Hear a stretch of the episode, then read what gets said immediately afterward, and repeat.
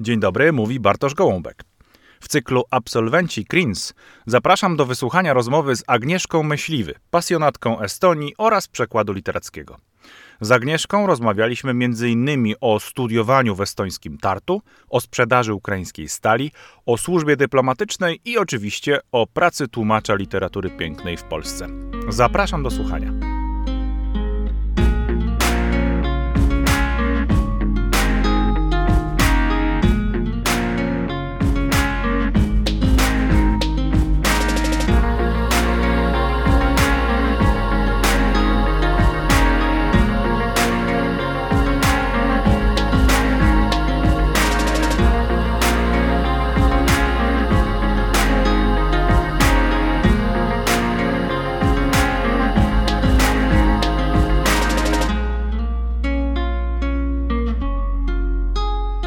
Witam serdecznie kolejną rozmówczynię, która zakończyła e, studia na kierunku Kultura Rosji i Narodów e, Sąsiednich e, i zgodziła się porozmawiać dzisiaj ze mną Agnieszka Myśliwy. Cześć Agnieszko. Cześć Bartku. Witam Cię bardzo serdecznie. Miło mi, że poświęcasz czas w trudnych dla Ciebie, również pewnie zawodowych, różnych sytuacjach. Deadlines goniły i różne inne sprawy. O tym za chwilę pewnie będziemy rozmawiali. Ale na razie retrospektywa, bo od tego zaczynamy rozmowy. Pamiętasz, jak znalazłaś kierunek? Czy to było Twoje marzenie, czy przypadek? E, to nie był przypadek, to muszę podkreślić z całą mocą. Jak zastanawiałam się nad e, wyborem kierunku studiów w tych prehistorycznych czasach, czyli w latach 2000-2001, kiedy przed maturą się myślało o takich rzeczach, byłam przekonana, że pójdę na stosunki międzynarodowe ponieważ już wtedy myślałam, że chciałabym się związać z dyplomacją tak zawodowo. E, natomiast wtedy ten kierunek powstawał. E, był dość szeroko reklamowany. Ja pamiętam, że ja przeczytałam o nim w jakimś poradniku dla absolwentów w gazecie wyborczej. Był taki artykuł. I e, kultura Rosji i narodów sąsiednich jako koncepcja mnie absolutnie zachwyciła, ponieważ ja to widziałam jako takie stosunki międzynarodowe tylko na wschód, plus, że to wydział filologiczny, to jeszcze w dodatku e, nauczą mnie języka, którego nie znam, z którym nigdy nie miałam nic do czynienia i nauczą mnie go od podstaw. I w sumie taka była głównie moja motywacja. Zdawałam na CRINS, zdawałam na stosunki międzynarodowe, ale już na e, rozmowie takiej kwalifikacyjnej tak spodobało mi się na Crinsie atmosfera e, wykładowcy, że zdecydowałam się na Crins. I rozpoczęłam studia na Crinsie 1 października 2001 roku jako jednocześnie pierwszy rocznik tego kierunku. Mhm. A, a powiedz, z czego wynikała twoja, Twoje marzenia o tym, żeby podjąć działania w obrębie dyplomacji szeroko pojmowanej? Czy to jakieś tradycje, czy po prostu jakaś inspiracja? Bo nie ukrywajmy, 19-letnia e, młoda dama, żeby chciała zostać od razu reprezentantem e, w misji dyplomatycznej lub w relacjach międzynarodowych, to może nie jest takie oczywiste i powszechne. E, nie jest to tradycja rodzinna, był to tylko i wyłącznie mój pomysł. E, ja się bardzo interesowałam wtedy właśnie stosunkami międzynarodowymi, szeroko pojętą polityką międzynarodową i chciałam e, robić coś w tym kierunku prostu. I ta dyplomacja wydawała mi się wtedy takim najlogiczniejszym rozwiązaniem, no bo wtedy przecież jeszcze nie byliśmy w Unii. Boże, co za prehistoria, Można sobie było... wyobrazić w ogóle taką sytuację, że Polska nie była Właśnie. jeszcze w Unii. Młodzi słuchacze i młode słuchaczki. Tak, nie byliśmy jeszcze w Unii, nie było Europejskiej Służby Działań Zagranicznych, nie było tylu organizacji międzynarodowych obecnych w Polsce, więc to Ministerstwo Spraw Zagranicznych wydawało mi się takim najbardziej naturalnym wyborem wtedy. No dobrze, ale to, to jeszcze jedno takie pytanie wokół tej dyplomacji, po, potrzymajmy się. Y, no, jak pamiętasz te relacje na wschód? Bo powiedziałeś rzeczywiście CRINS, może to będzie coś takiego, co da możliwość rozwoju e, w tym kierunku wschodnim, dyplomatycznym, czy jakkolwiek byśmy to nazwali służbą publiczną. Pamiętasz tamtą atmosferę? dobrych już kilkanaście lat temu w relacjach Polska-Wschód? Czy napawało to nadzieją, że będzie jakaś ciekawa perspektywa? No to był taki po okres, podjęciu, kiedy... oczywiście po zakończeniu studiów, czy na przykład pamiętasz, jakby to mogło, na pewno sobie wizualizowałaś taką sytuację. No, zanim poszłam na studia, byłam totalną ignorantką. To na pewno. Ja byłam z tego pokolenia, jestem z tego pokolenia, które już patrzyło tylko właśnie na zachód. Nie było, próbowałam sobie przypomnieć nawet przed naszą rozmową, czy ja miałam język rosyjski na jakimkolwiek e, etapie edukacji. I wydaje mi się, że w szkole podstawowej nie miałam na pewno. W liceum być może była klasa z rosyjskim, ale tego nie jestem pewna, więc jak szłam na studia, to szłam z taką no, tabula rasa kompletna, czysta głowa, nic nie wiadomo, nawet nie znałam y, alfabetu. I te studia otworzyły mi oczy na bardzo dużo rzeczy, uświadomiły mi bardzo dużo rzeczy, pokazały mi dużo rzeczy. I tak, no też szłam y, na, potem już brałam udział w y, konkursie na aplikację dyplomatyczno-konsularną z takim trochę misyjnym nastawieniem, że są perspektywy i co ja tu nie zrobię i czego ja tu nie stworzę. No jakby rzeczywistość okazała się inna, ale o tym pewnie za chwilę. Mhm, jasne. Y, czy studia, y, które podjęłaś, nieprzypadkowo, jak y, mówisz, one mm, na pewno, jak wszystko w życiu, czasami jakieś rozczarowania i czasami jakieś zaskoczenia pozytywne wprowadzają. Pamiętasz te zaskoczenia, te pozytywne elementy? O rozczarowaniach też możemy porozmawiać. Co, co, co ciebie tak e, zdziwiło? Bo mówisz, i pewnie to jest e, jedna z takich e, kluczowych spraw, że nie znałaś na przykład języka rosyjskiego przed podjęciem nauki. Nie znałam, uczyłam się go. To największe moje frustracje wiążą się chyba z początkami nauki języka rosyjskiego. Tak, początki były trudne ten pierwszy miesiąc, pierwsze dwa miesiące, kiedy nie wiem, jak to oczywiście teraz wygląda, ale jak y, ja zaczynałam studia, to było takie totalne zanurzenie w tym języku, że my nie zaczynaliśmy właśnie od rysowania bukw, tylko założenie było takie, że my już to znamy i idziemy dalej. To mnie przeraziło. Po prostu pamiętam, jak weszła y, wykładowczyni na pierwsze praktyczne zajęcia z języka rosyjskiego i ona zaczęła do nas mówić po rosyjsku ja o nie miałam. Ja nie wiedziałam, co mam zrobić. Po tych 90 minutach wyszłam z sali, stwierdziłam, a to chyba jednak nie dla mnie, to sobie poszukam czegoś innego. Ale zostałam i się tego na języka nauczyłam naprawdę, no, nie nauczy, nauczyłam i nauczyli mnie bardzo dobrze. E, natomiast ja mam, ja mam bardzo pozytywne wspomnienia związane z Krinsem. Mnie się tam podobało praktycznie wszystko. Oczywiście są minusy, bo jednak to jest uniwersyteckie y, wykształcenie, które wymaga określonego kanonu wiedzy, nabycia tej wiedzy. Więc były tam przedmioty, które mnie nudziły, ale ja się na Krinsie czułam bardzo dopieszczona. Y, miałam świetne relacje z wykładowcami, którzy się naprawdę interesowali studentkami i studentami. E, miałam możliwość e, uczestniczenia w indywidualnym toku studiów, czyli wybierania sobie przedmiotów z innych w ogóle wydziałów i kierunków. Na czwartym roku byłam w Estonii na Erasmusie. Mnie Krins dał dużo pewności siebie i takiego poczucia, że naprawdę mogę wszystko. I to zawdzięczam w dużej mierze Krinsowi. Dobre wspomnienia i wyjazd zagraniczny, Erasmus. W Unii Europejskiej już chyba byliśmy w takim razie, jeśli się nie mylę. Jeśli tak. program, chociaż program Erasmus, Erasmus mógł już funkcjonować, y, o ile mnie pamięć nie mieli, nawet przed naszym takim już formalnym przystąpieniem, ale y, dobrze. Estonia. Skąd ten pomysł? E, ze wszystkich opcji dostępnych w Erasmusie wtedy e, na naszym, e, w naszym instytucie, bo to był 2004 rok, jak słusznie mówisz, 1 maja weszliśmy do Unii, a ja pojechałam w połowie sierpnia na Erasmusa, więc zaraz po. Estonia była najdalej i z punktu widzenia takiej młodej osoby była najbardziej egzotyczna, bo na liście była Litwa, była Łotwa i była właśnie Estonia, Tartu.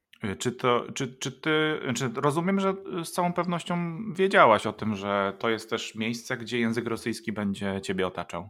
E, tak, no generalnie było takie założenie, żeby się z tego e, języka rosyjskiego jeszcze lepiej podszkolić w rosyjskojęzycznym środowisku. No, zaskoczenie było o tyle duże, że e, Estonia jest w ogóle mało rosyjskojęzyczna. W sensie większość przedmiotów, w których uczestniczyłam, odbywała się po prostu na filologii rosyjskiej, tyle że tam na filologii rosyjskiej studiowały osoby, dla których językiem głównym był język rosyjski, albo językiem jednym z dwóch języków wyniesionych z domu był język rosyjski.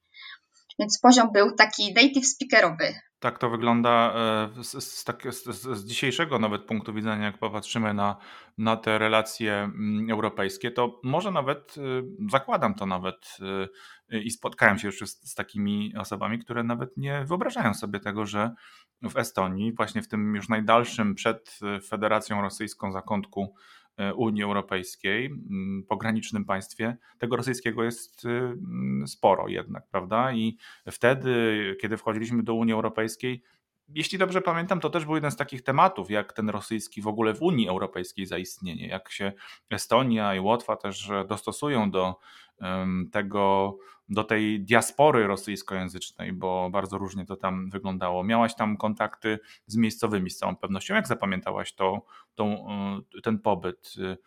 Obok takich no, czysto studenckich rewelacji, które na pewno tam cię spotkały, to jaka ta Estonia wtedy była?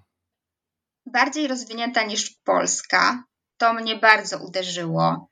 Y, takie pierwsze wrażenie główne, bo jednak przyjeżdżałam z kraju, który Związku, do, do Związku Radzieckiego nigdy nie należał, prawda? Więc myślałam, że o tyle powinniśmy być wyżej. Natomiast Estonia się bardzo fajnie rozwijała wtedy i rozwija się nadal. To jest ten nasz przecież europejski tygrys, jeden z kilku tych europejskich tygrysów. I to było widać już wtedy. Było widać duże zaszłości właśnie, ale było widać, jak oni ambitnie e, z tym walczą. Tego rosyjskiego było o wiele mniej niż się e, spodziewałam, zwłaszcza w Tartu, bo w Talinie i tam na północy żyje jednak większość tej mniejszości rosyjskiej. I faktycznie wyjeżdżałam w, e, w, czasie, kiedy bardzo dużo się mówiło o tych obywatelach Estonii i Łotwy, którzy nie mają obywatelstwa, o tych obywatelach bez obywatelstwa. Natomiast tego nie było widać tak na poziomie takiego studiowania, na poziomie kontaktów z innymi e, ludźmi, na poziomie kontaktów z tymi estońskimi Rosjanami czy rosyjskimi Estończykami, z którymi ja przecież właśnie studiowałam na jednym kierunku. To byli młodzi ludzie, którzy się estońskiego już uczyli, bo tak naprawdę nie widzieli innego wyjścia.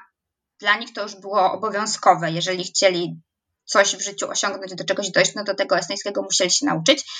I ja też nigdy nie spotkałam się z żadnymi jakimiś tarciami na tym, na tym etapie, na tym poziomie.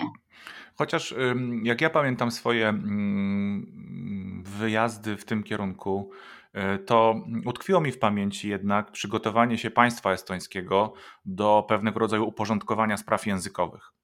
E, być może już wtedy zwracałaś na to uwagę, a może później, kiedy jeszcze mm, zakładam, że mogło się zdarzyć, żeby bywałaś w Estonii.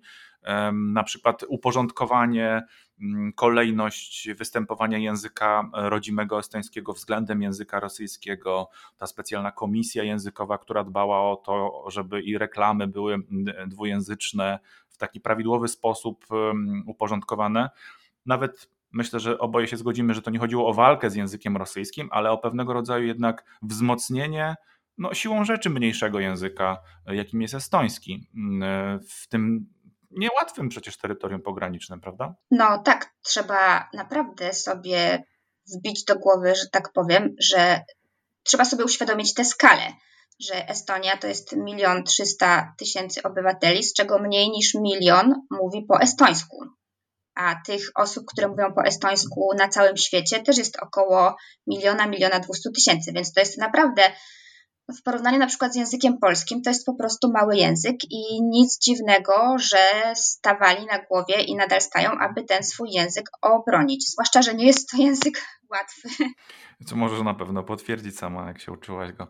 Yy, tak, uczyłam się. Jak, jak efekty dzisiaj byś oceniła e, tej, tej edukacji? To było bardzo fajne, że wtedy jak byłam w Tartu, to była właśnie, y, po pierwsze była możliwość wzięcia udziału w lektoracie języka estońskiego i to był taki lektorat, y, no to było ambitne zamierzenie, bo my mieliśmy chyba 4 godziny estońskiego w tygodniu w pierwszym semestrze i 3 godziny w drugim semestrze. A oprócz tego była tam jeszcze taka komórka, która się nazywała Baltic Studies i tam było bardzo dużo przedmiotów o Estonii i o jej sąsiadach, czyli Litwie i Łotwie, po angielsku dla właśnie studentów międzynarodowych, którzy zaczęli wtedy do Estonii przyjeżdżać na Erasmusa i tych studentów było bardzo dużo. E, jak oceniam dzisiaj swoją znajomość estońskiego? No, e, ja się w Estonii w ogóle zakochałam i ja bywam w Estonii, faktycznie staram się tam być y, najrzadziej raz na dwa lata. Teraz mi zapewne przeszkodzi w tym pandemia niestety, bo to jest ten rok, kiedy powinnam jechać, no ale zobaczymy, jak to będzie wyglądać. No ale po tylu latach 17 y, używania takiego bardzo sporadycznego, no to jednak są takie podstawy podstaw, że zamówię sobie ciastko w kawiarni, ale o pruście raczej nie porozmawiam. Rzadka rzecz, ale przede wszystkim trzeba mieć tą świadomość, o której mówisz, bo bardzo łatwo jest się przełączyć na mm, większy, szybszy być może w tej, w tej sprawie język rosyjski. Chociaż Estończycy pewnie już teraz też e, e, rzadziej e, z niego korzystają, coraz rzadziej z niego korzystają właśnie w takich relacjach mm, publicznych. Studiowałaś 5 lat, jeśli dobrze pamiętam, to były pięcioletnie studia magisterskie. Czy Twoja praca dyplomowa, magisterska, ona była związana z tematem estońskim, czy wybrałaś inny kierunek? Nie, oprócz Estonii bardzo mnie interesowało Zakaukazie i Azja Środkowa więc pisałam pracę magisterską o GUAM, czyli takiej organizacji międzynarodowej, jako koncepcji budowania przeciwwagi dla rosyjskiej dominacji w regionie Azji Środkowej i Zakaukazia w latach 1996-2005. To był temat mojej pracy magisterskiej, pisanej pod kierunkiem profesora Grzegorza Przepindy. No właśnie, ta organizacja to już chyba, chyba tylko wspomnienie, prawda? Ale praca magisterska powstała. Praca magisterska powstała, tak. Być może ale to był bardzo żywy na ich temat. Tak, ale... tak, ale słuchaj, to był bardzo żywy temat. Ja nawet go pamiętam ten wątek e, rzeczywiście tej współpracy, taki trochę wyjście poza strefę wpływu rosyjskiego, próbę jakiegoś uniezależnienia od, e, od e, wielkiego brata, wielkiego sąsiada. No cóż, sprawy się potoczyły w zupełnie w sumie nieprzewidywalnych chyba dla nikogo wówczas kierunkach, no ale tak to, tak to bywa. Skończyłaś studia. Jak wyglądała twoja, Twoje pożegnanie z Akademią, z Uniwersytetem Jagiellońskim? Czy to było wejście na rynek pracy od razu dynamiczne?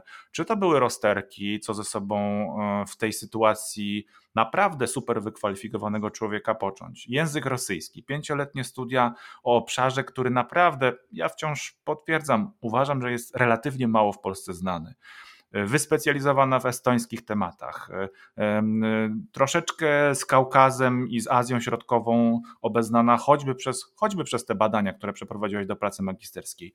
Jak taki człowiek wtedy na rynku pracy Krakowa, Małopolski i, i generalnie e, naszego kraju wyglądał? Znów przypomnę naszym młodszym słuchaczom, że 2004, 2006 rok, przepraszam, bo przecież w 2006 skończyłam studia, to nie był też taki jakiś ekonomicznie dobry okres, tylko było kryzysowo i e, o te prace my się wszyscy po studiach martwiliśmy, jak to będzie wyglądać. E, moja, mój rozwód z uczelnią e, nie był taki bardzo szybki i jednoznaczny, ponieważ ja w 2007 roku zdałam na studia doktoranckie więc ten kontakt z uczelnią jeszcze przez jakiś czas miałam. E, natomiast jeżeli chodzi o życie zawodowe, to przez trzy miesiące sprzedawałam stal jako specjalista do spraw eksportu, a potem właśnie ogłoszono e, kolejny nabór na aplikację dyplomatyczno-konsularną i e, wzięłam w niej udział, aby spełnić to swoje marzenie o dyplomacji. Mm, wróćmy jeszcze do stali na moment. To, to było sprzedaż stali na wschód, czy raczej kupowanie tej stali ze wschodu, żeby ją sprzedać tutaj? E, ta druga opcja to było przedstawicielstwo takie ukraińskiej huty stali i ja tę stal miałam sprzedawać po prostu gdzie ją wezmą. Mój najbardziej egzotyczny klient to była Indonezja, która kupiła e, cały statek jakichś kontowników i to, były, to była tak, to była naprawdę duża transakcja. Pamiętam, że moje, moje szefostwo się bardzo cieszyło z tego. Mam nadzieję, że i również ty ze względu na zasilenie twojego konta, y, ale no to wielka przygoda. Powiedz, jak te relacje z szefostwem ukraińskim wspominasz? Bo to są ludzie y, jednak, którzy na pewno inaczej biznesy prowadzili niż ty sobie to mogłaś wyobrazić. Wszystko się jakoś tak układało bez dużych komplikacji. W sensie moje dyrektywy były jasne, miałam te stal sprzedawać, a jak ja to robiłam, no to zależało ode mnie. Musiałam wysyłać milion maili w różnych kierunkach i tak, tak naprawdę, naprawdę to z tego okresu pamiętam tylko po prostu te maile, które ja musiałam wysyłać setkami codziennie. I wtedy stwierdziłam, że może bycie specjalistą do spraw eksportu to jednak nie jest przyszłość dla mnie to nie była długa przygoda. Niedługa przygoda i byłaś bardzo, jak mawiają po rosyjsku, celeustremlonna, jeśli chodzi o dyplomację, bo nie tak, zawiesiłaś tak, tak. pomysłu na, na, na jakimś kołeczku. Zresztą twoja praca magisterska, łatwo to zidentyfikować, też miała taki charakter z pogranicza politologii i, i dyplomacji w jakimś zakresie. Polska też w tym głamie troszeczkę próbowała się odnaleźć, jak dobrze pamiętam. To była Popraw mnie, jeśli się mylę, ale wydaje mi się, że to była prezydentura Lecha Kaczyńskiego wówczas e, tak, tak. właśnie. I, I, powiedz e, Agnieszko, jak e, wspominasz tą aplikację? Bo po, po, pierwsze, czy mm, dostałaś się, bo tam jest, tam był przynajmniej, tak, taka była procedura, egzamin wstępny. No i jak to wyglądało? Tak, był egzamin wstępny. Ten egzamin wstępny był można powiedzieć, że trójetapowy, ponieważ pierwszy etap no to było w ogóle spełnienie różnego rodzaju warunków formalnych, żeby móc przystąpić do egzaminu. Więc dwa języki, e, dowody, certyfikaty na znajomość tych dwóch języków, wyższe wykształcenie, niekaralność itd., tak itd. Tak Potem ten już drugi taki faktyczny etap to był egzamin pisemny, który składał się z dwóch części. Pierwsza część to był test wiedzy ogólnej, no i oczywiście był to test wiedzy ogólnej o stosunkach międzynarodowych, polityce międzynarodowej. A druga część to było napisanie notatki na podstawie dostarczonych materiałów, takiej notatki analitycznej właśnie. I kto przeszedł pierwszą część, miał, e, dostępował zaszczytu wzięcia udziału w drugiej części. To już była rozmowa kwalifikacyjna z Komisją Ministerstwa Spraw Zagranicznych. W komisji zasiadali dyrektorzy departamentów, ambasadorowie, więc było to bardzo onieśmielające. Ta druga część odbywała się w Warszawie, oczywiście na żywo, no bo nie można było tego zrobić przez Zooma ani przez Skype'a. Takie to były czasy. Tak, tak. Ja w ogóle sam w głowę zachodzę. E, przyznam ci się szczerze, że też miałem przyjemność przejść przez tą procedurę e, bez sukcesu, ale tak ją też właśnie zapamiętałem. Dla mnie to już było wielkie wydarzenie, że byłem w Warszawie bo przeszedłem akurat do etapu ustnego, już na nim niestety nie mhm. skorzystano z moich y, niewątpliwie y, zbyt niskich jak na tamten czas kompetencji. Y, jak sobie teraz o tym pomyślę, stosunkowo niedawno prezydent podpisał ustawę o służbie dyplomatycznej polskiej. Przecież to jest tak. zupełnie inny świat. To ty wtedy, starając się dopiero, rekrutując się do uczenia się o dyplomacji, właściwie już musiałaś być dyplomatką. No, tak naprawdę według dzisiejszego standardu można byłoby tak powiedzieć. Dostałaś się czy nie? Bo to jest y, klucz. E, dostałam się, tak, dostałam się. Y, notabene w dzień egzaminu w ogóle poszłam na spacer, ponieważ przyjechałam za wcześnie, no bo wiadomo, pociągów do Warszawy też nie było wtedy tyle, żeby biegały co godzinę. To raz, a dwa nie e, były aż tak szybkie jak teraz, to też prawda. Tak, to prawda, więc oczywiście przyjechałam z odpowiednim zapasem, aby się, broń Boże, nie spóźnić i poszłam na spacer. I na, na spacerze spotkałam, spotkałam oczywiście w cudzysłowie, bo tylko jakby przechodziłyśmy obok siebie, właśnie panią prezydentową Marię Kaczyńską w otoczeniu y, ochroniarzy i stwierdziłam, że to musi być dobry znak. Z pozytywnym nastawieniem poszłam na rozmowę i właśnie tę rozmowę przeszłam i zostałam zakwalifikowana do aplikacji, która trwała rok. I to był jakby kolejny rok szkolenia w tym zakresie. Czy te kwalifikacje przydały się później w, jakiejś, w jakimś poszukiwaniu pracy, czy może od razu oddelegowano cię do jakiejś misji dyplomatycznej, czy po prostu rozczarowałaś się na przykład, jak to też mogłoby się wydarzyć e, tym, co zademonstrowały wówczas e, nasze służby dyplomatyczne, bo już też kilka takich rozmów e, z, mm, ze starszymi i młodszymi koleżankami, kolegami odbywałem właśnie absolwentami Queensu, którzy też ocierali się, jeśli nie docierali do tej służby dyplomatycznej bezpośrednio, ale to są bardzo różne drogi. Niektórzy w ogóle bezpośrednio, niemalże z ulicy próbują się podostawać do różnych konsulatów czy też ambasad, nawet na praktyki i tak dalej, a u ciebie można byłoby założyć, że to jest taka ścieżka niemalże modelowa prawidłowo wszystko przeprowadzone przed aplikacją, roczna aplikacja, no i teraz wyobrażam sobie taką sytuację, że mm, sprawdzają Twoje CV i dostajesz pracę może nie od razu, ale za moment w takim departamencie, który zajmuje się krajami nadbałtyckimi, albo od razu jedziesz do Talina na placówkę, żeby tam służyć y, swoimi kompetencjami i wiedzą na ten temat. Jak to wyglądało? To znaczy tak, aplikacja składała się z sześciu miesięcy wykładów, takich, żeby tę naszą wiedzę ujednolicić, ponieważ byli to jednak ludzie z bardzo różnych sfer życia, nie tylko młodzi absolwenci, ale też osoby y, z doświadczeniem zawodowym, y, nie tylko ludzie właśnie po takich politologicznych studiach i stosunkach międzynarodowych, tylko z wielu różnych dziedzin takich uniwersyteckich, więc najpierw przez sześć miesięcy ujednolicona naszą wiedzę. Potem trzy miesiące to był staż w wybranym departamencie MSZ-u i trzy miesiące stażu na placówce. E, pamiętam, że miałam, to była chyba rozmowa, na, którą odbyłam na placówce, e, nie z ambasadorem, ale z jakimś pracownikiem takim szeregowym e, ambasady, który jak się dowiedział, jaką drogę wybrałam, no to powiedział, że totalnie najtrudniejsza i w ogóle mało ludzi jest takich, którzy się na to decydują idąc, że, że idą tym trybem takim właśnie po kolei, że właśnie bardzo dużo osób się próbuje dostać z ulicy. No ja tak, ja tę moją ścieżkę e, przeszłam formalną. E, zgadzam się z Tobą, ponieważ ja śledzę cały czas, e, no tak z takiej chyba sympatii i nostalgii, to co się dzieje z Polską Służbą Zagraniczną, z Ministerstwem Spraw Zagranicznych no to ja nie wiem, czy po prostu są parlamentarne słowa, którymi ja to e, potrafiłabym skomentować, więc może tylko taką wzmiankę zostawię, że to na pewno nie idzie w dobrym kierunku i, i pójdę dalej. To była chyba największa moja życiowa tragedia, że to moje marzenie o dyplomacji to się bardzo szybko właśnie zdezawuowało w zderzeniu z rzeczywistością. Czyli y, dyplomata to jest przede wszystkim pracownik centrali. W sensie tym, że to jest urzędnik państwowy, a nie ta osoba, która jedzie na placówki i tam bruluje na przyjęciach dyplomatycznych i robi prawdziwą dyplomację. Yy, nie, żebym miała taką wizję, chociaż pewnie trochę ją miałam. Na pewno trochę ją miałam, jak zaczynałam myśleć w ogóle o takiej karierze. Natomiast właśnie w centrali się bardzo szybko okazało, że to jest praca urzędnicza, która polega na tworzeniu masy dokumentów, z którymi, jak się tak patrzy na taki szerszy obraz, to w ogóle nikt się z nimi nie zapoznaje, nikt ich nie czyta i na pewno nikt ich nie bierze na, na, pod uwagę. Takie miałam wtedy wrażenie.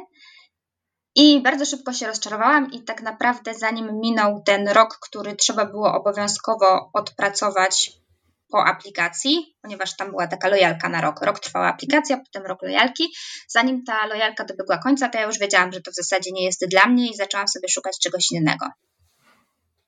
Jednym słowem, e, rozczarowanie pewnego rodzaju, przynajmniej tym modelem e, polskiego rozwiązania, które wówczas e, funkcjonowało, no bo jednak to było parę lat temu no, pozwalamy sobie na komentarz odnośnie współczesności. Niestety nasze, przynajmniej wspólne wrażenie jest takie, że wcale nie, nie, nie musi być w tej sprawie lepiej.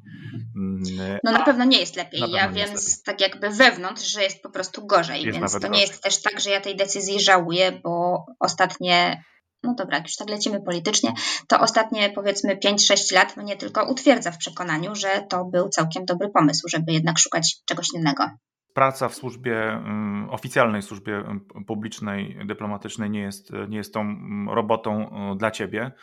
E, czy myślałaś o tym później może, przy tych naprawdę, jestem przekonany, e, bardzo rozlicznych kompetencjach, których nabyłaś i poprzez tą e, aplikację konsularno-dyplomatyczną i, i na studiach przecież i poprzez wyjazdy indywidualne, także te mm, z okresu studiów. Czy myślałeś o tym, żeby się zająć po prostu dyplomacją publiczną, no na przykład pracą w jakichś fundacjach, stowarzyszeniach?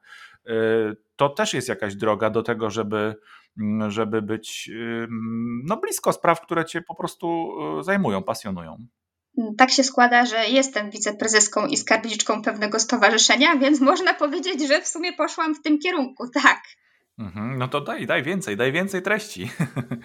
Więcej treści. E, jak się zastanawiałam, co mam robić dalej po tym nieszczęsnym, po tej nieszczęsnej przygodzie z MSZ-em i przeglądałam e, swoje kompetencje, a miałam wtedy takiego doła związanego z tym, że to moje marzenie nie wypaliło, więc miałam też o wiele surowsze spojrzenie niż ty na, na swoje kompetencje wtedy. I stwierdziłam, że skoro znam język, języki, i jestem po studiach filologicznych, to ja po prostu powinnam zostać tłumaczką. I rozglądałam się w branży tłumaczeń. Doszłam do wniosku, że takie tłumaczenia techniczne i ustne i różne inne to chyba jednak nie są dla mnie i że ja w ogóle powinnam tłumaczyć książki. Mhm. I w sumie jakoś tak się stało, że te książki tłumaczę i tłumaczę je właśnie od tego mojego kryzysowego roku, kiedy odeszłam z MSZ-u w 2009 do dzisiaj tak naprawdę. A oprócz tego właśnie jestem wiceprezeską i skarbniczką Stowarzyszenia Tłumaczy Literatury. Świetnie. Najpierw y, pytanie natury filozoficznej i ogólnej. Y, no, pewnie pamiętasz doskonale swoją może nie najlepszą kondycję wtedy, kiedy musiałaś trochę zmienić strategię życiową, prawda? A tu od dyplomacji do tłumaczenia. Ale moje pytanie brzmi tak. Czy nie wydaje ci się, mm, po tylu latach y, y, takiego balansowania między, że tłumaczenie jest swego rodzaju dyplomacją właśnie? Bardzo ciekawa refleksja. No tak, myślę, że trochę jest. Zbliżaniem kultur, prawda? Mhm. Ja co prawda myślałam zawsze o tym politycznym aspekcie, ale masz rację, dyplomacja kulturowa to jest właśnie chyba to, w czym ja się lepiej odnajduję, tak naprawdę po latach. Mhm. Y, jesteś prezeską y, ważnego. Wice. No nie, wice. Wiceprezeską. Nie obrażajmy prezesa. Pozdrawiamy panią prezes czy pana prezesa? Pana prezesa, pozdrawiamy pana prezesa. Pozdrawiamy tak. pana prezesa. Jesteś wiceprezeską e, ważnego, bo nie wiem jak dużego, ty wiesz to najlepiej, stowarzyszenia, które prowadzi sprawy tłumaczy literatury w Polsce, tak? Z różnych języków. Ale y, jeśli się nie mylę, nie tłumaczysz z języka rosyjskiego i na język, y, na język polski, tylko y, wchłonęła cię inna ścieżka językowa. Tak, tłumaczę z y, języka angielskiego głównie, co jest moim wielkim żalem tak naprawdę, ponieważ ja bardzo chciałabym przetłumaczyć coś z rosyjskiego, tyle że ten rynek tłumaczeń z rosyjskiego w Polsce jest naprawdę skromny. Mm. I jak zaczynałam, o wiele łatwiej było znaleźć zlecenie z języka angielskiego. Potem ta współpraca z językiem angielskim była kontynuowana. I w pewnym momencie trochę znalazłam się w takiej, w takiej szufladce tłumaczki języka angielskiego, y, książek określonych gatunków. Więc ja się staram z tej szufladki wyjść i w końcu gdzieś tam jakieś tłumaczenie z rosyjskiego złapać, natomiast nie jest to proste. Y, jednym słowem, parę lat praktyki y, ustawiło cię już w pewnym trybie funkcjonowania. Nie jesteś po prostu znana jako potencjalny tłumacz z języka rosyjskiego? Czy to o to tutaj chodzi, czy jakieś tak, inne? Tak, dokładnie o to. Dokładnie tak. o to. Mhm. A tłumaczenie na własną rękę Mówię do człowieka z branży oczywiście, więc zaraz pewnie wyjaśnisz, jak to wygląda dokładnie. Tłumaczenie na własną rękę nie wchodzi w rachubę, to znaczy przebicie się z czymś przez autora, przez wydawcę rosyjskiego i wejście tutaj z propozycją na polski rynek to jest inwestycja, która kosztuje czas i pieniądze zainteresowanej osoby i jest zupełnie skazana na niepowodzenie. E, wydaje mi się, że nie zupełnie skazana na niepowodzenie, natomiast jest to bez wątpienia e, czasochłonne i energiochłonne i jakkolwiek myślę o tej drodze, to do tej pory po prostu życie staje na drodze za każdym razem. Ale tak, to jest coś, co biorę pod uwagę. Jak wygląda dzień pracy y, człowieka związanego z, y, z tłumaczeniem literatury o określonym profilu gatunkowej literatury anglojęzycznej? Jak wygląda to u ciebie? Tłumaczka wstaje rano, robi sobie herbatę, patrzy, co ją dzisiaj czeka, a następnie siada do komputera i nie wstaje od tego komputera, dopóki nie skończy określonej na dany dzień porcji tekstu, w czym przeszkadza jej wybitnie Facebook, WhatsApp, Telegram, mail i inne tego, tego typu rozrywki. I, i sprawy ja międzynarodowe, jestem... i sprawy globalne. sprawy międzynarodowe, tak, tak, tak. No gazety trzeba przeczytać, trzeba zobaczyć, co tam na stronie OSW, Ośrodka Studiów Wschodnich się nowego wydarzyło, bo cały czas te wydarzenia międzynarodowe śledzę. E, natomiast tak, no jest to praca bardzo biurowa i biurkowa, jest to praca z językiem, co mi się podoba, i jest to praca taka projektowa, czyli każda książka to jest zupełnie nowe rozdanie i ten aspekt chyba najbardziej mi się podoba właśnie. Odkryłam, że mam w sobie takie poznawcze ADHD i bardzo lubię przeskakiwać pomiędzy różnymi tematami. Czy możesz rozwinąć ten wątek? Co to znaczy, że praca projektowa e, to jest e, przekład literatury, to jest e, związane z jakiegoś rodzaju działaniem od początku do końca przeprowadzonym. Czy to dobrze rozumiem, że, że to, to masz tak, myśli tak, mówiąc tak. projekt? No jest y, książka. Książka jest takim dla mnie projektem, który ma początek, środek i koniec. Początek jest wtedy, kiedy dostaję propozycję przetłumaczenia danego tekstu i się na tę propozycję godzę.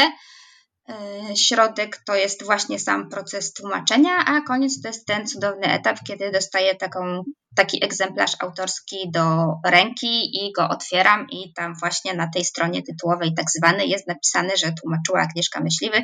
Nadal sprawia mi to ogromną radość. Który moment jest najbardziej interesujący w przekładzie? Ten, kiedy pierwszy raz trzymasz oprawioną, świeżą książkę, którą potencjalnie będziesz przekładać, czy momenty właśnie tej dyplomacji, którą musisz pouprawiać, żeby ekwiwalencję powyszukiwać, żeby zrozumieć która część tej pracy projektowej jest dla Ciebie najbardziej satysfakcjonująca? Bo myślę, że mogą nas słuchać przyszli tłumacze albo ci, którzy rozważają takie rozwiązanie. Wszystko jedno z jakiego języka. A może nie mają przekonania co do tego, e, że gdzieś tam e, można ożywić e, adrenaliną jakąś dodatkową. Taką, jak mówisz, no jakby pracę niby biurkowo-biurową. Adrenalinę, drodzy tłumacze, jeżeli będziecie tłumaczyć książki, to adrenalinę znajdziecie na pewno w takim codziennym po prostu wiązaniu końca z końcem, ponieważ praca tłumacza literackiego to nie są kokosy. E, to był taki reality check. Natomiast tak, tak jak mówisz, no absolutnie najwspanialszym etapem tej pracy jest właśnie próba przełożenia danej sytuacji z jednego języka na drugi to przecież nie są tylko słowa, to są wszystko, co się z tymi słowami wiąże, a największy problem to są te znaczenia naddane. Dlatego właśnie są tłumacze, prawda? Bo tak to załatwiłby to Google Translate albo po prostu bezmyślne przepisywanie pierwszego znaczenia słowa ze słownika do słownika. Natomiast tłumacz jest od tego, żeby właśnie włożyć w to odrobinę inwencji i wyobraźni i swojej wiedzy i swojego warsztatu. Trochę pracy detektywistycznej też tutaj się e, przydaje. Tak, tak, tak. Teraz będę tłumaczyć książkę o e, z, powiązaną z wyprawą Francisa Drake'a dookoła świata i właśnie zaczynam się zanurzać w wyprawach geograficznych. Takie banalne pytanie mi się rodzi właśnie w głowie. Może banalne, a może nie, bo Powiedziałaś, jeszcze raz wrócę do tego, że to, że to myślenie projektowe, no powiedzmy wprost, to ma ci przynieść też e, określony dochód, prawda? Oprócz e, tak, satysfakcji. No ja pracuję dla pieniędzy, A, jednak nie dla właśnie, satysfakcji. Właśnie, więc mamy, mamy tutaj jasną, jasną, jasną kwestię. No i pytanie jest takie, czy ty znasz te książki, które tłumaczysz? Czy y, jak bardzo tłumacz poznaje treść, którą przekłada? Czy to są jakieś później e, fragmenty, obrazy zostają? Co zostaje po takiej pracy? Niezwykle wytężonej, czasami być może weryfikacji jednego zdania no, wielogodzinnej, a może i nawet dłuższej, prawda? Może jakiś fragment trzeba zostawić, pójść dalej, żeby wrócić do tego, który nie był jasny. E, to jak zna się taką książkę po przekładzie jako tłumacz? No, nikt nie zna książki lepiej niż jej autor i jej tłumacz. Tłumacz to jest taki najbardziej uważny czytelnik, ponieważ on musi zauważyć wszystko. Jeżeli to ma mieć sens, jeżeli to ma, mieć, to ma być dobre tłumaczenie, no to tłumacz stoi w tej komfortowej i niekomfortowej sytuacji, że musi zobaczyć wszystko. Nie tylko zobaczyć, on to musi jeszcze pokazać potem tej swojej grupie docelowej. Jak wygląda Twój ogląd sytuacji w branży? Bo reprezentujesz yy, stowarzyszenie no, można powiedzieć, branżowe. Y, jak y, pracują tłumacze w Polsce? Interesuje mnie pewnie bardziej język rosyjski, bo lepiej znam rosyjski i być może lepiej tą przestrzeń rosyjskojęzyczną. Ale nawet korzystając z Twojego doświadczenia tłumacza anglojęzycznego, czy też z, z tekstów e, e, napisanych pierwotnie w języku angielskim, jak oceniasz y, w ogóle mm, standard polskiego przekładu literackiego? Jak oceniasz y, to, co się wokół y, tych kwestii tutaj odbywa i może odbywać? Jak jesteśmy pozycjonowani względem być może znanych Ci też innych środowisk spoza Polski, które no, starają się też o przekłady. Pewnie Estonia, którą tak lubisz, ma mniejszy zasób z natury rzeczy i musi bardzo selekcjonować i materiał, i mniej tych ludzi jest, którzy mogą to zrobić. A jak jest w Polsce? No, 36, 7, być może nawet 8 milionowy kraj. Każdy zna język angielski, ha, ha, ha. Jesteśmy po części y, y, humorystycznej. Jak to jest y, w, w, w, tej dyscyplinie? Śledzę Cię czasami na LinkedInie, umieszczasz różnego rodzaju takie też statystyczne konteksty, więc jakbyś mogła powiedzieć nam tu wszystkim, jak to wygląda z Twojego punktu widzenia, nie tylko jako człowieka, który to robi, ale też jakby ma perspektywę z lotu ptaka? Rynek polski zdawałoby się, że jest duży, ponieważ tak jak powiedziałeś, to jest 36 milionów osób. Natomiast trzeba wziąć pod uwagę, że te statystyki czytelnictwa w Polsce no, nie powalają, mówiąc oględnie. Nadal jest tak, że około 38% Polaków przeczytało rocznie jedną książkę. No to to jest naprawdę niedużo. Podobno idzie ku dobremu, ponieważ y, bardzo dużo osób zaczęło czytać y, w trakcie pandemii kiedy zabrakło wszystkich innych rozrywek typu kino, knajpa, teatr, filharmonia, to ludzie po prostu zaczęli czytać i to już widać w statystykach za 2020, bo tak jak mówisz, one są teraz się ukazują. Spodobało się. I jednak. oczywiście tak, tak, aha. Wszyscy, wszyscy w branży mają nadzieję, że to jest tendencja, która się utrzyma, albo przynajmniej ustabilizuje na takim poziomie powyżej właśnie tych 40%. E, w Polsce się nadal e, bardzo dużo literatury przekłada. Jakiej, Prawie... jakiej właśnie? A, bardzo różnej. Mhm, mhm. bardzo różnej. Prawie połowa wydawanych w książce w Polsce to są przekłady. To jest wysoki odsetek, tak na tle y, rynków książki Prawie połowa krajach. polskiego rynku literatury pięknej, beletrystyki to przekład. Tak, mhm. tak, tak. A druga połowa wypełniana jest przez polskich autorów. Jeśli, tak, tak, tak mhm. oczywiście, jasne. Mhm. I przekłada się, no tak, przekłada się wszystko. Przekłada się zarówno y, laureatów nagród międzynarodowych, Bookera, noblistów, y, jak i bestsellery. Literatury niszowej przekłada się chyba coraz mniej tak naprawdę, dlatego że to też jest taka branża, która się bardzo komercjalizuje, w tym sensie, że książka wydaje mi się, że w ostatnich latach zwłaszcza bardzo straciła ten status dobra kultury i przeniosła się do tej szufladki takiego dobra zbywalnego, jak właśnie, nie wiem, czasopismo czy film na DVD. To ma oczywiście swoje złe strony, i te złe strony są takie, że zaczyna rządzić y, zysk. Czyli musimy wydawać to, co się sprzeda a sprzeda się bardzo często to, co się już na świecie sprzedało albo się sprzedaje. Sprzeda się to, co napisze jakiś znany celebryta albo youtuber albo innego rodzaju influencer. Sprzeda się to, co zostanie zekranizowane albo zostało zekranizowane. Wydaje mi się, że wahadło się właśnie w tę stronę przechyla. To nie musi być zawsze źle, ale e, z twojego, nie, nie, nie, z twojego, z twojego jakby z twojego mm, z Twojej krótkiej zarysowania tej sytuacji pobrzmiewa e, jakiś rodzaj jednak dosyć ostrożnego podejścia do tego typu e, marketingowego zainteresowania się literaturą, prawda? Znaczy, pewnie nie zawsze, nie każdy youtuber napisze dobrą książkę, już tak tutaj możemy przy tym e, pozostać przykładzie, ale jest takie wrażenie, że rzeczywiście i chyba y, błędne, że każdy może dzisiaj na, na, napisać książkę, tak niemalże jak każdy może ją przełożyć sobie na, na, na, swój język, prawda? Ale no chyba nie o to chodzi y, w literaturze. Jak, jaka jest droga właśnie? Zawsze mm, myślę, to jest interesujące dla, dla wszystkich, którzy choć czasami znajdują się w tej 38% puli i jedną książkę e, w roku e, przeczytają. Jaka jest droga takiej książki od komputera autora e, do rąk e, czytelnika, nie wiem, w Radomiu, w Strzemieszycach, czy gdzieś pod Zieloną Górą. Jak to wygląda?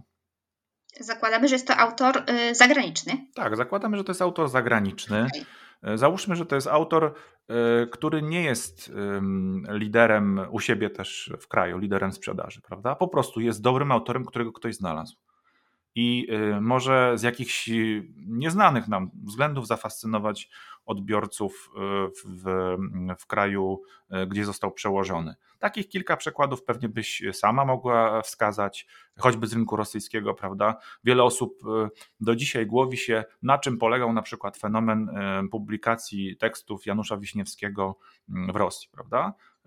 Taka niespodzianka. Nagle gdzieś w jakimś kraju wybucha popularność obcojęzycznego pisarza. E, jeżeli ktoś go już znalazł, no to zapewne ma agenta.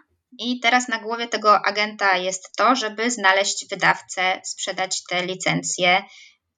No bo wiadomo, wszyscy na tym zarobią.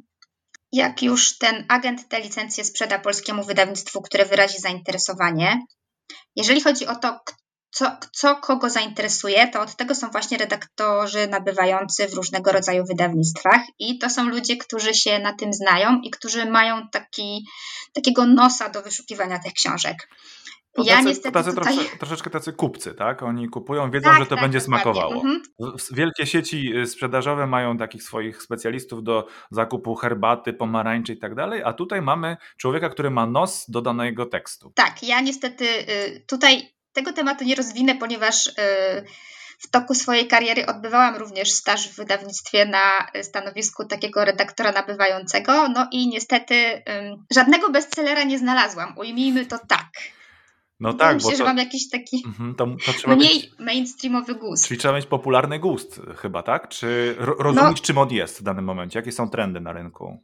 Tak zupełnie, zupełnie emocje. poważnie, to ten mój staż się odbywał mniej więcej w tym czasie, kiedy po wydawnictwach polskich chodziło, mówiąc brzydko, 50 twarzy Greya.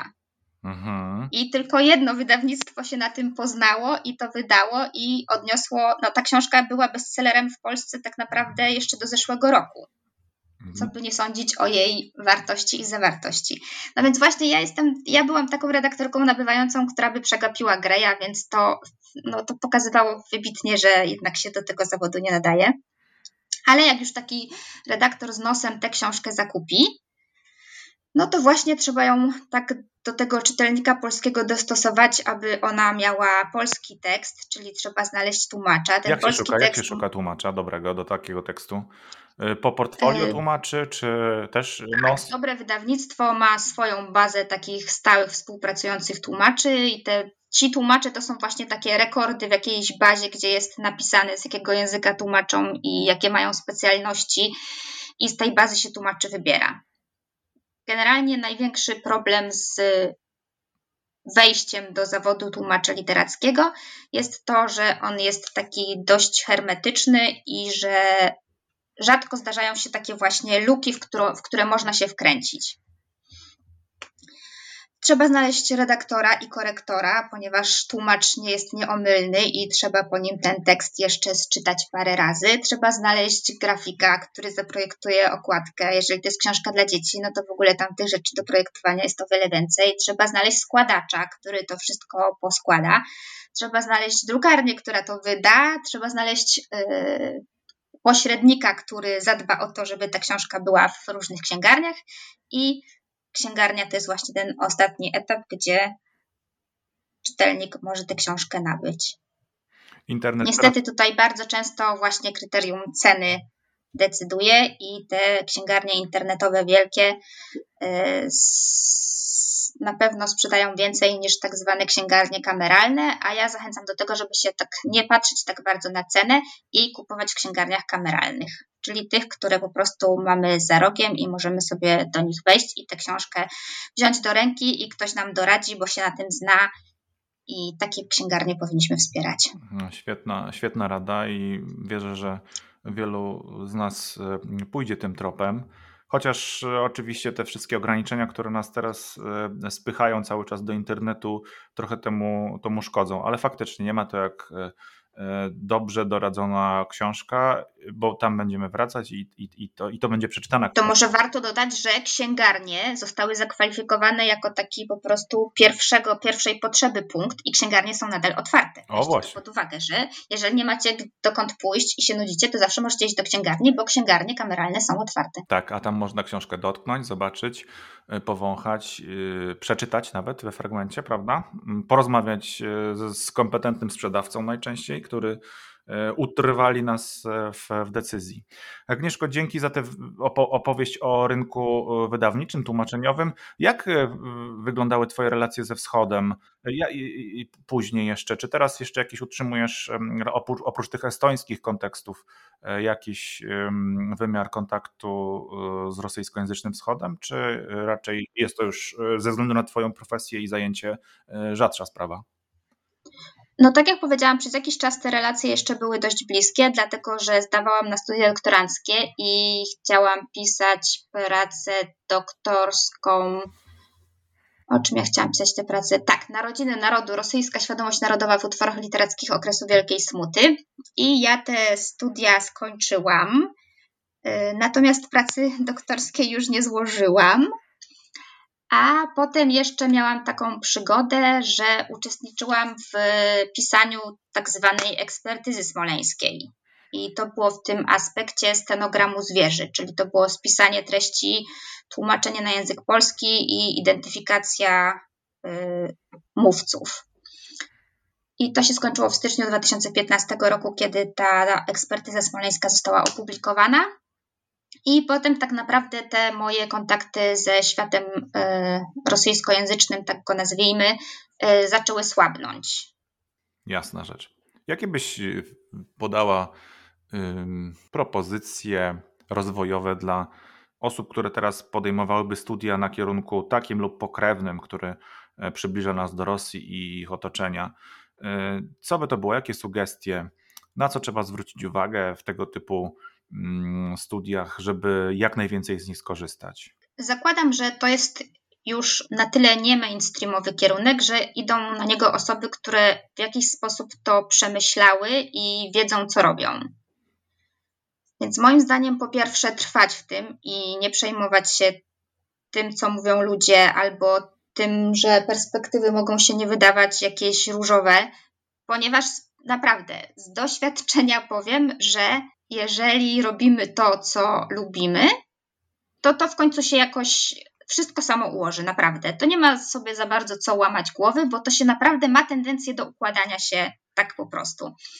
I jak się przygotowywałam do tej naszej rozmowy, Bartku, to sprawdzałam też, co się dzieje u moich kolegów i koleżanek z roku.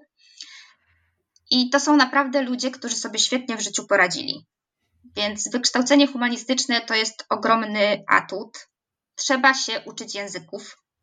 To na pewno. To w tym świecie to nie ma innego wyjścia. Zawsze warto do tego rosyjskiego sobie jakiś język inny dołożyć. No i trzeba się rozglądać. Tak naprawdę. Trzeba być aktywnym, trzeba brać udział w różnego rodzaju właśnie takich. Trzeba wyjść z tej sali uniwersyteckiej wykładowej i iść do ludzi, bo z tego też bardzo dużo y, dobrych rzeczy wyniknie budować sobie taki kapitał kulturowy, uprawiać networking, chociaż to słowo ma w Polsce bardzo negatywne konotacje, no ale to nie chodzi o nepotyzm, tylko chodzi o to właśnie, żeby, żeby być aktywnym, żeby kreować, a nie reagować. Networking, czyli sieciowanie, powiązanie, kontakty, e, znajomi, dobrzy, bliscy, dalsi, e, ci, którzy mogą poradzić, pomóc, wesprzeć, kiedy, kiedy to konieczne, czyli bądźmy dla siebie otwarci i życzliwi. E, rzeczywiście to tak. nie ma nic wspólnego z nepotyzmem. Oczywiście, gdyby ktoś na przykład z absolwentów albo ze słuchaczy chciał się dowiedzieć, jak zostać tłumaczem literackim, naprawdę proszę mnie znaleźć w internecie, mam stronę internetową, proszę pisać, udzielę wskazówek. Świetnie, za to też bardzo dziękuję. Dziękuję Ci Agnieszko za poświęcony czas, za rozmowę bardzo ciekawą, obfitującą w różne szczegóły e, i życzę Ci powodzenia w kolejnych misjach tłumaczeniowych i dyplomatycznych jednocześnie, być może. Wszystko jeszcze przed nami świat e, czeka e, na pewno na takich ludzi jak ty. Serdecznie Cię pozdrawiam i dzięki wielkie za rozmowę. Dziękuję Ci bardzo. Agnieszka Myśliwy jest absolwentką kultury Rosji i narodów sąsiednich na Uniwersytecie Jagiellońskim. Studia ukończyła w 2006 roku. Ukończyła również aplikację dyplomatyczno-konsularną przy Polskim Instytucie Spraw Międzynarodowych. Następnie pracowała w Ministerstwie Spraw Zagranicznych. Od 2009 roku pracuje jako tłumaczka literacka. Choć studiowała kulturę Rosji i narodów sąsiednich, tłumaczy głównie z języka angielskiego, powieści obyczajowe dla młodzieży i dorosłych, a także literaturę popularno-naukową. Od 2020 roku piastuje funkcję wiceprezeski i skarbniczki Stowarzyszenia Tłumaczy Literatury.